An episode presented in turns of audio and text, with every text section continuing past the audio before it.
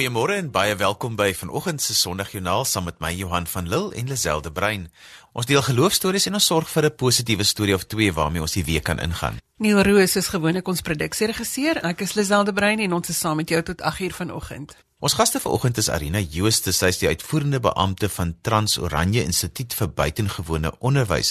Dr. François Sieberhagen, die sameroeper van Word Riders en Nico van der Merwe en Rochelle Liederman kom vertel hoe geloof hulle daaglikse lewe verryk. Ons gaan met nog 'n Nico gesels. Nico Strydom vertel vir ons sy geloofstorie en dan vir oulaas gaan Dr. Janie Leroux by ons ook 'n draai kom maak as ons nog 'n tydjie oor het. Daar's natuurlik al die gewone kanale waarop jy na ons kan luister op RSG se webwerf by rsg.co.za of op die DSTV se audiokanaal 813. Die potgooi is op die webwerf beskikbaar en jy kan SMS na 34024 as jy wil saamgesels.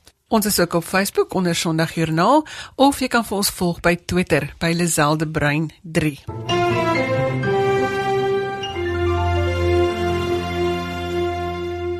Die Transoranje Instituut vir Buitengewone Onderwys bestaan reeds sedert 1947 en is gestig deur drie Afrikaanse susterskerke met die doel om 'n skool vir dowes te open in die noorde. Hulle vier volgende jaar hulle 70ste bestaanjaar en vanoggend gesels ons met Arina Jooste wat die uitvoerende beampte van die instituut is. Goeiemôre Arina. Goeiemôre Lisel. Arina, hierdie besluit van die drie susterskerke amper 70 jaar gelede het sekerlik 'n baie goeie geloofsgetuienis van skole wat 'n verskil maak in mense se lewe. Lisel, dit is weliswaar so. Die gesindheid, toewyding en dienswilligheid van die instituut is 'n handelsmerk. Dit is ook die handelsmerk en filosofie van die drie Afrikaanse susterkerke wat betrokke is by die instituut. Deur die skole te open vir kinders met gestremthede, het die kerke en die instituut deelswaar hoop gebring aan hierdie kinders en hulle ouers.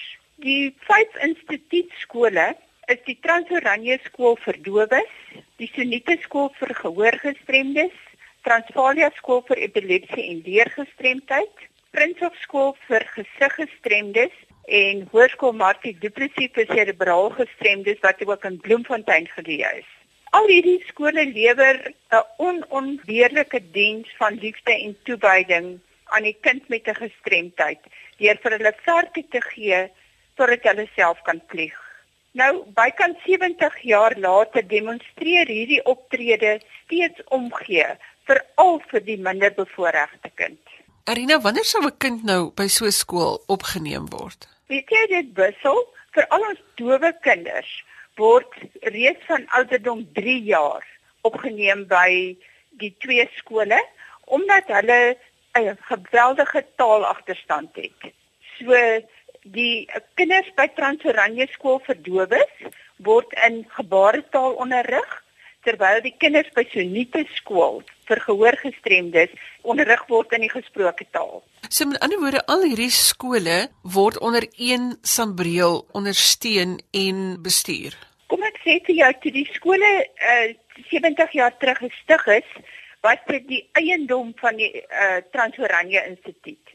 Ons het ook bepaal wie word uh, aangestel as onderwysers en hoofde. Ons was daarvoor verantwoordelik. Later jare is hierdie skole almal oorgedra aan die departement.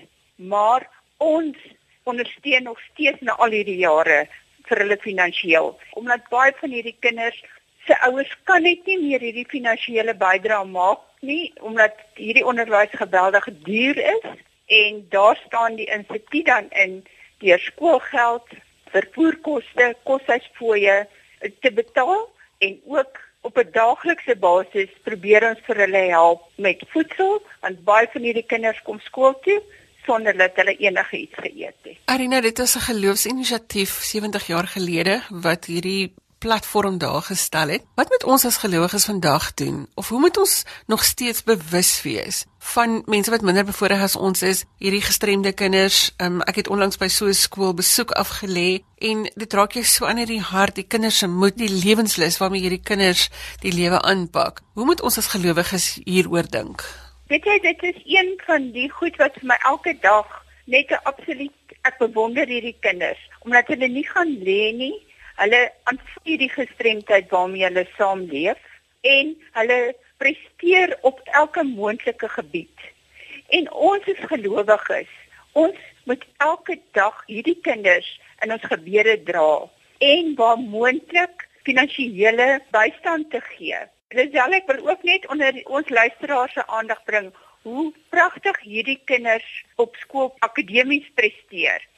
Verlede jaar het ons 111 matrikulante gehad. Hulle het tussen die 111 32 vakonderskeidings behaal en 93 van hulle het toelating tot tersiêre instellings gekry. Ek het gesels met Arina Jooster, die uitvoerende beampte van die Transoranje Instituut vir Buitengewone Onderwys. Dankie vir die saamgesels vanoggend Arina. Baie dankie Lisel, dit was 'n voorreg gewees. Lisel het gesels met Arina Jooster, die uitvoerende beampte van Transoranje Instituut vir Buitengewone Onderwys. Jy kan meer inligting kry op hulle webwerf by www.toybo.org.za. Jy spel daai toybo T O I B O www.rsg.org.za. Goeiemôre as jy sopas by ons ingeskakel het. Jy luister na Sondagjoernaal saam met Johan en Lisel. Ons gesels geloofsaake en vertel positiewe stories oor die lewe van Suid-Afrikaners. Gemaak gerus 'n draai op RSG se webblad by rsg.co.za vir inligting oor ons gaste en onderwerpe. Jy sal dieselfde inligting ook op ons Facebook-bladsy kry. Ons is soos gewoonlik elke Sondagoggend saam met jou tot en met die 8uur nuus. Die Word Riders is 'n groep entoesiastiese motorfietsryers wat in 2011 vir die eerste keer met 8 motorfietsryers bymekaar gekom het om die King James Bybel se 400ste bestaanjaar te vier. In daardie jaar versprei hulle 900 uitreikbybels, maar vanjaar is daar meer as 5000 uitreikbybels versprei deur 42 motorfietsryers en hulle agteroppies. Nou vanoggend gesels ek met Dr. François Sieberhagen wat vertel oor hierdie unieke groep mense. Môre François? Goeiemôre Lisel. Frans, hierdie groep motorfietsryers staan bekend as die Word Riders. Hoekom die naam en wat motiveer hulle om te doen wat hulle doen? Weet jy, Lisel, dit het maar met die Bybel te doen en toe ons in 2011 hierdie projek gedoen het om die King James se 400ste bestaanjaar te vier, het ons gedink dis 'n gepaste naam, Word Riders, want ja, ons gaan oor met die woord, maar ons ry ook op ons motorfietsse en uh Intussen tyd het hierdie ek wil dit amper ehm um, beweging gegroei van 8 na 42 en dit is almal mense wat 'n paar sake ingemeen het. Punt 1 dis almal gelowiges. Punt 2 dis mense wat 'n groot passie het vir die verspreiding van die Bybel en derdens dis mense wat hou van motorfietsry. So hierdie is 'n wenresep om dan uit te gaan en dan het ons ten onsself ten doel gestel om dan graad 7 leerders te besoek by die skole en dan hulle dan Bybels te gee, uitreik Bybels in die taal van hulle voorkeur sodat hulle dan ook self met die woord van God kan omgaan en self die grondwaarhede daarin kan gaan ontdek. Jy gee Bybels vir kinders wat nog nooit ooit 'n Bybel gesien het nie. Ja, ek sou nie sê gesien het nie. Ek sou eerder sê besit het nie, want ons gaan regtig in die diep platland in. Ons gaan na dele van ons land waar mense nie so gereedelik kom nie en dan sit ons ook met die uitdaging van armoede. So hierdie is 'n wenresep dat kinders nie 'n Bybel besit. Dan help ons hulle en in baie gevalle is dit die eerste en dan ook die enigste Bybel in huishoudings. En dit hang ook natuurlik saam met geletterdheid.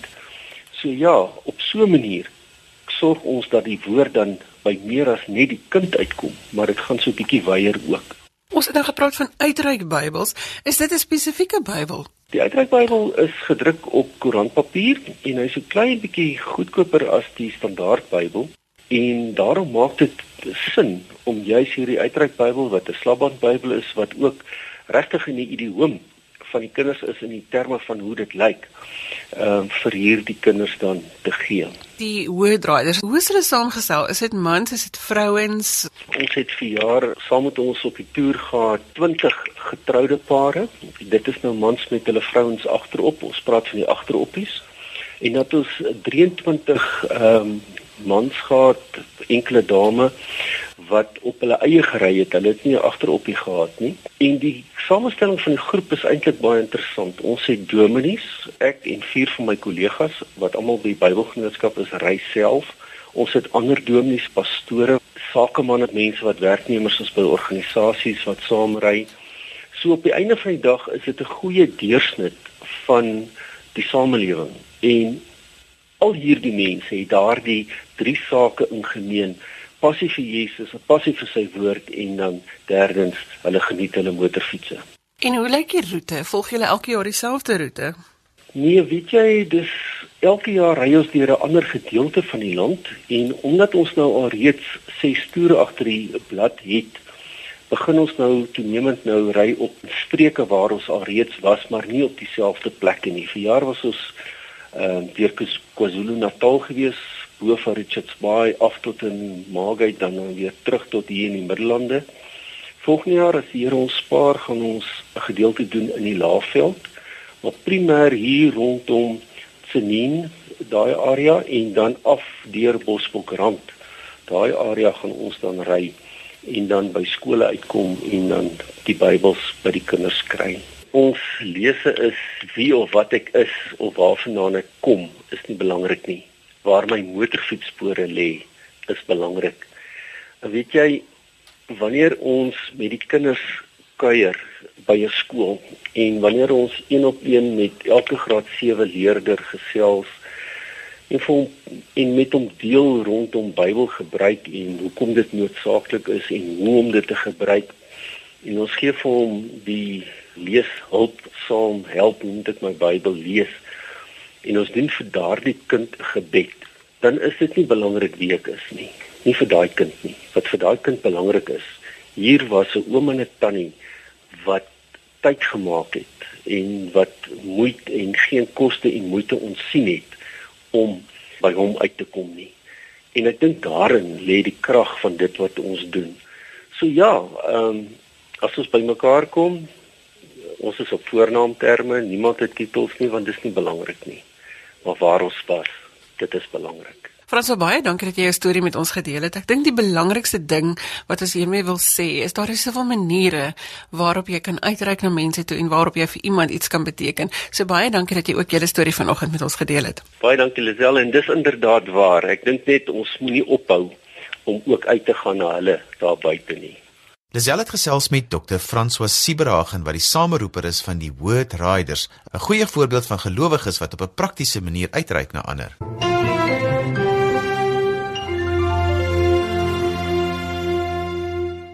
Jy is ingeskakel op RSG 100 tot 104 FM. Die webwerf is rsg.co.za en die SMS-lyn is 34024 teen R1 per SMS. Nico van der Merwe gesels met Janine oor finansies. Ek gesels met Nico van der Merwe, sakeman, stigter van die Landswye Oor Instituut netwerk as ook die Eduplex in Pretoria. Hallo Nico. Goeiemôre. Jy het spesifiek op jou hart hierdie ding dat skuld iets is wat nie hoort in 'n Christelike lewe nie, nie waar nie? Dis reg. Uh spreek dit bietjie vir my aan want dit klink dalk effe onrealisties vir die mense. Kyk die uh is interessant uh, dat navorsing het gewys in Suid-Afrika uh, verander mense 7.2 keer van huis in hulle lewenstyd. En wat gebeur as jy gaan na die bank toe en jy sê hoeveel kan ek leen met my op my salaris? Uh, en dan koop jy nou 'n huis en dan jy so 'n paar jaar in die huis gebly en dan gaan vra jy weer vir hulle maar hoeveel kan ek nou leen en dan uh, dan koop jy 'n groot huis. Dit is baie min wat mense afgradeer behalwe uiteindelik as hulle nou al die kinders uit die huis is en dan wil hulle kleiner gaan. Maar dit veroorsaak dat jy konstant in die skuld is en die bank moet afbetaal. En wanneer jy kom by 'n punt as Christen en jy sê maar kom ek maak my ek pen my lewensstandaard. Ek maak my sirkel toe. So ek ry nie elke keer 'n groter kar nie. Ek verander nie elke keer my huis nie. Ek bly in die huis waar ek is. En ek verander die huis soos wat ek dink dit moet wees. Uh, ek en my vrou bly nou 45 jaar in dieselfde huis. Ons het R40000 vir die huis betaal 45 jaar terug. Sjoe. Natuurlik het ons dit oor die jare 'n bietjie verander. Hier ietsie bygesit of dit gedoen of so aan. Maar die punt is, ons bly nog steeds in dieselfde huis. En dit maak dat jy as Christen sekere finansies loskry wat jy nie vir die bank elke keer hoef te betaal nie. Wat jy baie meer goed mee kan doen. Nommer 1 vir jou familie, nommer 2 vir jou naaste. Jy kan het 'n groter hand en jy het meer geld om uit te gee. Nou dis 'n interessante projek as 'n mens dink daaroor en jy besluit want jy moet eers met jou familie daaroor praat en sê die beginsel oor om jou lewensstandaard vas te pen.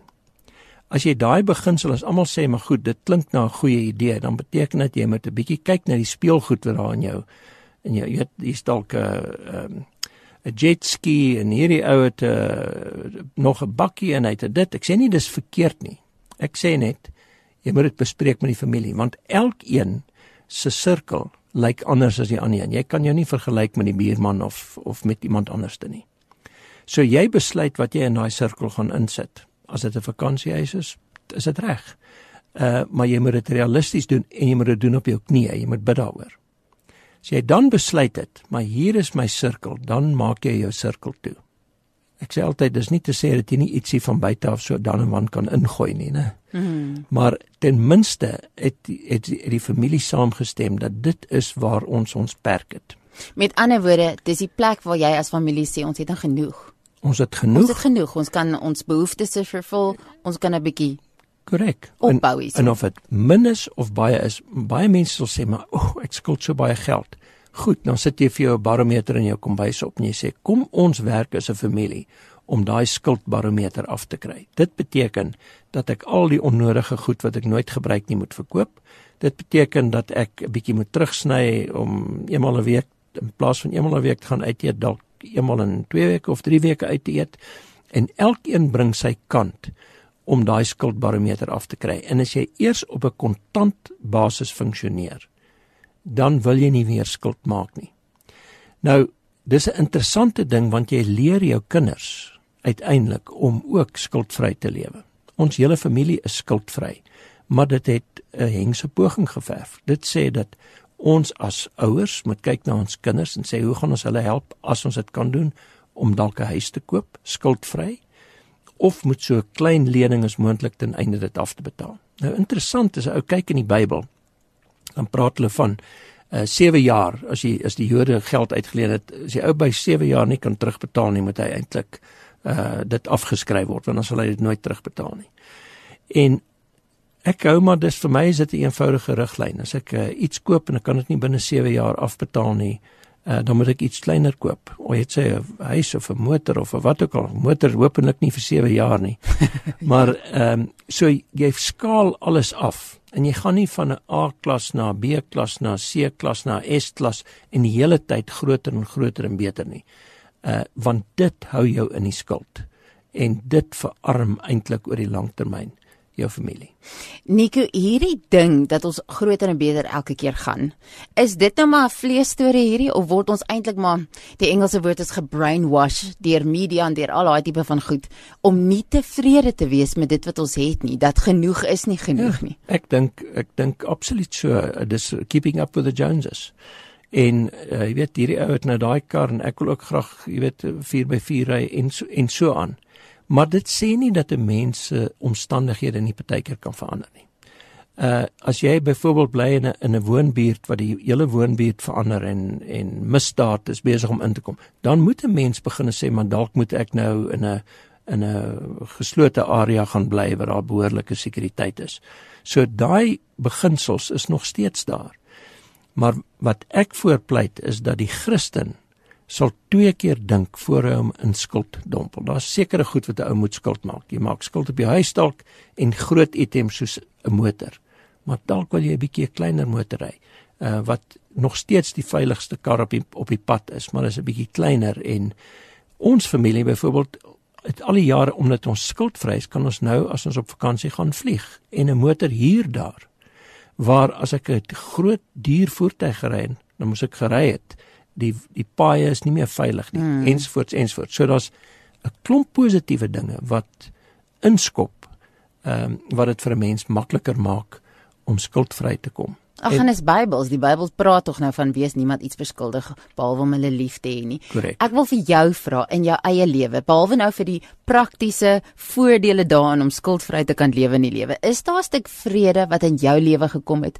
Geestelike voordeel wat daarin gekom het om pleinweg net gehoorsaam te wees? Absoluut. Uh weet jy uh, Jakobus uh, 1 vers 5 sê as jy wysheid kort kom, dan moet jy die Here vra. Maar as hy dit vir jou gee en hy antwoord jou, dan moet jy nie twyfel nie. Dan moet jy dit doen want anders te sal jy wees soos 'n golf en 'n brander wat heen en weer deur die wind gewaai word. In die Engelse vertaling sê en such a man will be unstable in all his ways. Sure. So dis krities belangrik vir ons as Christen om te sê goed, as ek die Here vra vir wysheid, dat hy dan vir my en hy gee dit vir my, dan moet jy doen, maar jy sien, dis waar die geloof inkom. Dis daai stap wat moed verg. En baie keer wil ons terugdraai en vrees en sê o, God, hierdie hierdie ding gaan nie werk nie. Maar dan moet 'n ou deurdruk. En dan kry jy soos wat die, jy gehoorsaam is op die pad. Kry jy daai vrede, kry jy daai versekering. En die Here is amazing want hy begin nie hy gee nie vir jou hierdie groot taak nie. Hy begin met die klein goedjies. En soos wat jy gehoorsaam is in die klein goedjies, sal hy vir jou al hoe groter en groter uitdagings maar ook geleenthede gee. So as mense met jou in kontak wil kom, miskien wil hulle die proses begin en hulle weet nie eers waar om te begin daarmee nie. Hoe kom hulle in kontak met jou? Op die webwerf gardenbusiness.co.za uh, of by enige oorinstituut en um, of hulle kan vir my 'n uh, e-pos stuur. Uh, Nico N I C O N I C O @has.co.za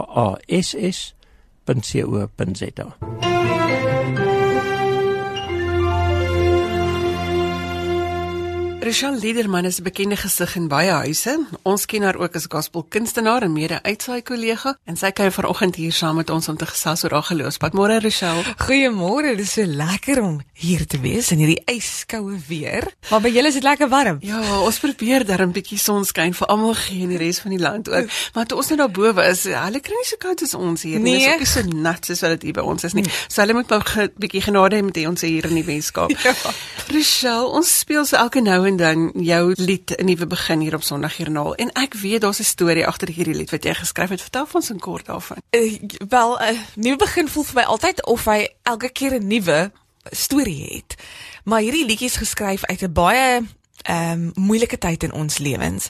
Ek en manlief, hy het toe net sy werk verloor. Ek dink dit was in 2000. En ehm um, dit het vir so 'n jaar aangegaan wat wat hy retrench was en hy kon net nie werk kry nie en dit was vir ons verskriklik moeilik geweest. En dan word jy regtig getoets op hierdie geloofspad wat ons loop. En die een dag toe sê ek vir hom, daar's sekere dinge wat ons net moet in plek sit ek voel regtig dit. Maar voordat ons by daai plek gekom het wat ons hierdie liedjie eintlik geskryf het, was daar een dag waar dit net regtig sleg gegaan het. En ek onthou my babatjie toe was toe nou nog net, ag, hy was 'n paar maande oud. En ek sê vir vir manlief, ek ons het nou hierdie R20 gaan ons elektrisiteit koop en of gaan ons ehm um, gaan ons brood en melk koop. En daai oggend ek voel ek soos daai vrou wat um, op haar knieë gaan, uh, besig om huis te skoon te maak, maar net waar ek was, staan ek op my knie en ek sê vir die Here, Here, u woord sê, I've never seen the righteous forsaken or its seed begging for bread, and I plead to you now, I come to you in the name of Jesus. En ek vra Here dat u nou vir ons 'n weg sal oopmaak. Min wetend dat een van ons ehm um, die ouer tannies in die kerk het in daai selfde tyd wat ek daai gebed opgesê het, was sy in Checkers gewees en die Here lê op haar hart dat sy vir ons 'n paar inkopies moet gaan doen. En uh, ek dink dit was so 'n uur of twee later kom sy daar aan by ons voordeur en sy klop en sy sê luister ek weet nie hoekom ek hier is nie maar dis wat die Here vir my gesê het ek moet doen. En daar het ek weer God se genade weer net so beleef soos nooit tevore in my lewe nie. Ehm um, en in daai tyd sê ek vir Jamie ek voel dat ons regtig 'n liedjie moet skryf wat 'n profetiese deklarasie is. En dit was September maand en in daai tyd, ons hou van rose, so ons het so 'n rose tuin net wat jy so kan uitkyk uit ons kamer uit. En uh, Julie maand snoei ons altyd die rose. En die op daai tyd, op daai stadium is die sneeu besig om te verdwyn op die berge en ons skryf die liedjie die winters verby, die sneeu op die berge verdwyn. Die son is weer sigbaar vir my. Dit lyk my die lente verskyn in my. Die bloeisels verskyn, die groei na die winter se pyn wat nou eers geduldig verskyn. Die wind van verandering waai oor my. En en in daai tyd besef ek net, Here, maar elke seisoen wat ons deurgaan in ons lewens is vir 'n rede. En ons sien nie altyd die die rede hoekom nie op daai stadium nie. Maar gee net so tyd dit vat so 'n paar weke of dae of maande of jare byvoorbeeld en dan sien ons hoekom die Here toelaat. Dis nie hy wat dit vir ons laat doen nie of dit hy veroorsaak nie die omstandighede nie. Hy laat dit toe sodat ons karakter kan bou. Ons vertel hierdie stories omdat ons weet daar's mense daar buite wat ook met hulle laaste R20 sit. Presies. Wat nie weet of hulle nou moet melk koop vir die kind en of hulle Ja. moet elektrisiteit koop sodat hulle wel kan kos maak nie of waar die volgende kos gaan vandaan kom nie. Dit ja. is 'n absolute realiteit in ons lewens. Absoluut. En mense moet weet dat daar is 'n uitkoms. Ja. Daar is maar jy moet die regte dinge doen. Ja. Jy moet eintlik vra, jy moet vir mense sê, nee. Nee, yes, presies. En um, baie mense sê vir my, "Rochelle, ag, jy praat so blasé oor hierdie onderwerp wat so sensitiewe topik is as ek, as ek dit so kan stel." Maar die rede hoekom ek dit doen is omdat ek glo dat die Here vir my toegelaat het om daardeur te gaan sodat ek kan sê daar is hoop. Dat dat daar 'n nuwe begin is sodat ek in in Suid-Afrika op die oomblik het ons hoop nodig meer as ooit tevore. Ek glo dit met my hele hart en ek ek raai mense aan en ek vra vir mense deel hierdie stories want jy gee hoop vir iemand anders. Dit is so belangrik dat ons net moet sê en dat ons ons, harte moet deel sodat ander mense kan weet hulle is nie alleen nie. Ons gesels vandag so 'n bietjie oor skuldvry lewe, het sy of dit nou emosioneel is of finansiëel ja. is. Hoe voel jy oor oor verhoudings waar waar skuld tog partykeer so groot rol speel? Sjoe. Ehm um, dit is baie snaaks dat jy dit vir my vra want net onlangs het ek deur ehm um, 'n baie moeilike tyd gegaan deur verhoudings. Ek gaan nie sê watter tipe verhouding dit was nie, maar dit is een van daai verhoudings wat so na aan jou hart is. Dit dis eintlik deel van jou vormingsjare. En ek het net nou die dag toe vra ek vir iemand, ehm um, hoe voel jy oor daai vormingsjare? Wanneer jy kind is en sekere mense speel sekere rolle in jou lewe. Maar daar's sekere goed wat hulle nie gedoen het nie. En die persoon se woorde was hierdie: Dink jy daai persoon het geweet wat hy gedoen het of sy gedoen het toe jy so klein was?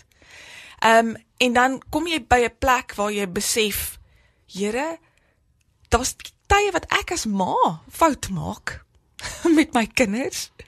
En daar's so, sommige kere wat ek nie eens weet dat ek fout gemaak het nie. Maar aan die einde van die dag moet jy by daai plek kom wanneer jy begin besef, ooh, ek het hier 'n groot fout gemaak dat jy sê ek is jammer. En om skuldvry te leef is nie altyd maklik nie, maar ons kan nie konstant daar bly nie, want dit help jou aan die einde van die dag nie. En as jy weet jy het 'n fout gemaak een of ander tyd in jou lewe, ehm um, of jy weet van iemand wat vir jou seer gemaak het. Somstyds is die verhouding al, al so ver af in die pad dat jy nie eers terug kan gaan en sê luister jy het my seer gemaak nie. Jy moet daai persoon vryspreek. Dis soos daai gesegde wat sê unforgiveness is giving somebody is drinking the poison and hoping the other person's going to die. En dis presies dit. So vergifnis is rarig dat jy jouself aan die einde van die dag is dit vir jouself wat jy moet vryspreek En vergewe. en vergewe. Jy moet jouself vergewe. Ek dink dis die grootste les wanneer jy weet ehm um, dat eers het ek 'n fout begaan, maar jy bly met daai sak en as rondloop. En dit gaan vir niemand anders help nie. Dit gaan nie vir jou familie help nie, vir jouself ook nie. Vergifnis is nogal 'n moeilike ding. Ek het nou die dag was ek baie baie moeg geweest en en ek het onmiddellik uit my moegheid gereageer op iets wat ek toe nou net besef, "Sjoe, ek dink nie jy is al daar nie," want ek het nou gedink ek het hierdie ding lankal agterweë gelaat. en toe op daai oomblik waar ek net net te moeg was, het dit weer uitgedop. So mens moet tog maar seker maak, nê, Ja. dat dat hierdie ding heeltemal losgeknip is van jou lewe. Ek dink eh, ek is nie iemand wat altyd skryf nie, maar ek voel altyd dat journaling vir my so help. En ek het byvoorbeeld hierdie hierdie klein stukkie geskryf nou die dag waar ek sê ehm um, ek soek myself, ek soek myself al ewig in jou. Ek vra jou om my te aanvaar net soos ek is, maar elke keer is dit nee. Ek dans op die ritme van jou drom en ek sing op jou wysie en nog steeds is ek nie goed genoeg nie. Maar dan moet jy by daai plek kom wanneer jy al hierdie goeters neerskryf en sê, "Maar nou maak ek myself toe in U Here en ek vra dat U die leemte kom vol volmaak en dat, dat U vir my weer kan kom nuut maak." En dis hoekom ek sê verskillende tye in 'n mens se lewe gaan jy deur verskillende seisoene en dit is vir my soos 'n 'n nuwe begin met nuwe verhoudings. Ek dink tog ek voel ek kom 'n nuwe liedjie aan. Ek definitief en ons kan nie genoeg sê dat mense goed moet neerskryf dat hulle moet journal nie want dit ja. is waar die genesing lê. Rachel baie dankie dat jy ver oggend saam met ons gekuier het. Dit was lekker om jou hier in die ateljee te hê. Baie dankie. Dit was 'n groot plesier. Dit was lekker om met jou te kuier. Rochelle Liederman het met Lisel gesels oor hoe sy haar geloof in verhoudings uitleef. Die kontakinligting vir al ons gaste is gelaai op RSG se webblad en Sondagjoernaal se Facebook bladsy. Ons gesels ouer gewoonte vir oulaas gou vinnig met Dr. Janie Leroux. Janie, goeiemôre. Môre Lisel, môre Johan. Janie, jy gaan met ons gesels oor wat dit beteken om skuldvry te wees. Kom ons hoor. Lisel, jy leer mos nou self vir mense met jou inspirasiejoernaal om skuldvry te lewe. So ek maak eintlik net 'n paar kant aantekeninge. Dit is belangrik om te verstaan dat skuld en gepaardgaande skuldgevoelens te maak het met verhoudings. Dit geld nou van finansiële skuld sowel as emosionele en spirituele skuld. As 'n mens verstaan dit gaan om verhoudings, kan 'n mens leer skuldvry lewe. Byvoorbeeld in finansiële sin, is dit jou verhouding met wat jy wil besit of wees. As jy nie 'n gesonde verhouding met jouselfbeeld het nie, gaan jy skuld aan wat kon gebly het. As ons emosionele skuld beleef, is dit byvoorbeeld omrede jy iemand te nagekom het of jouself aftakel omdat jy 'n mislukking voel. Dus gaan dit weer oor verhoudings, verhoudings met ander en jou verhouding met jouself. Die diepste bevryding van skuld gebeur as ons verstaan dat ons eers ons verhouding met God moet laat herstel deur Jesus. Ons kan al die ander forme van skuld terapeuties hanteer, maar dit gaan aanhoudend weer gebeur as ons nie aandag gee aan hierdie diepste verhouding nie. Die diepste verhouding is daardie verhouding met God.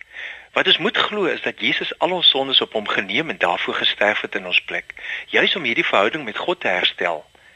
Kolossense 2 vers 14 sê: Hy het die skuld bewys met sy eise teen ons tot niet gemaak. Deur dit aan die kruis te spyker, het hy dit vir goed weggeneem.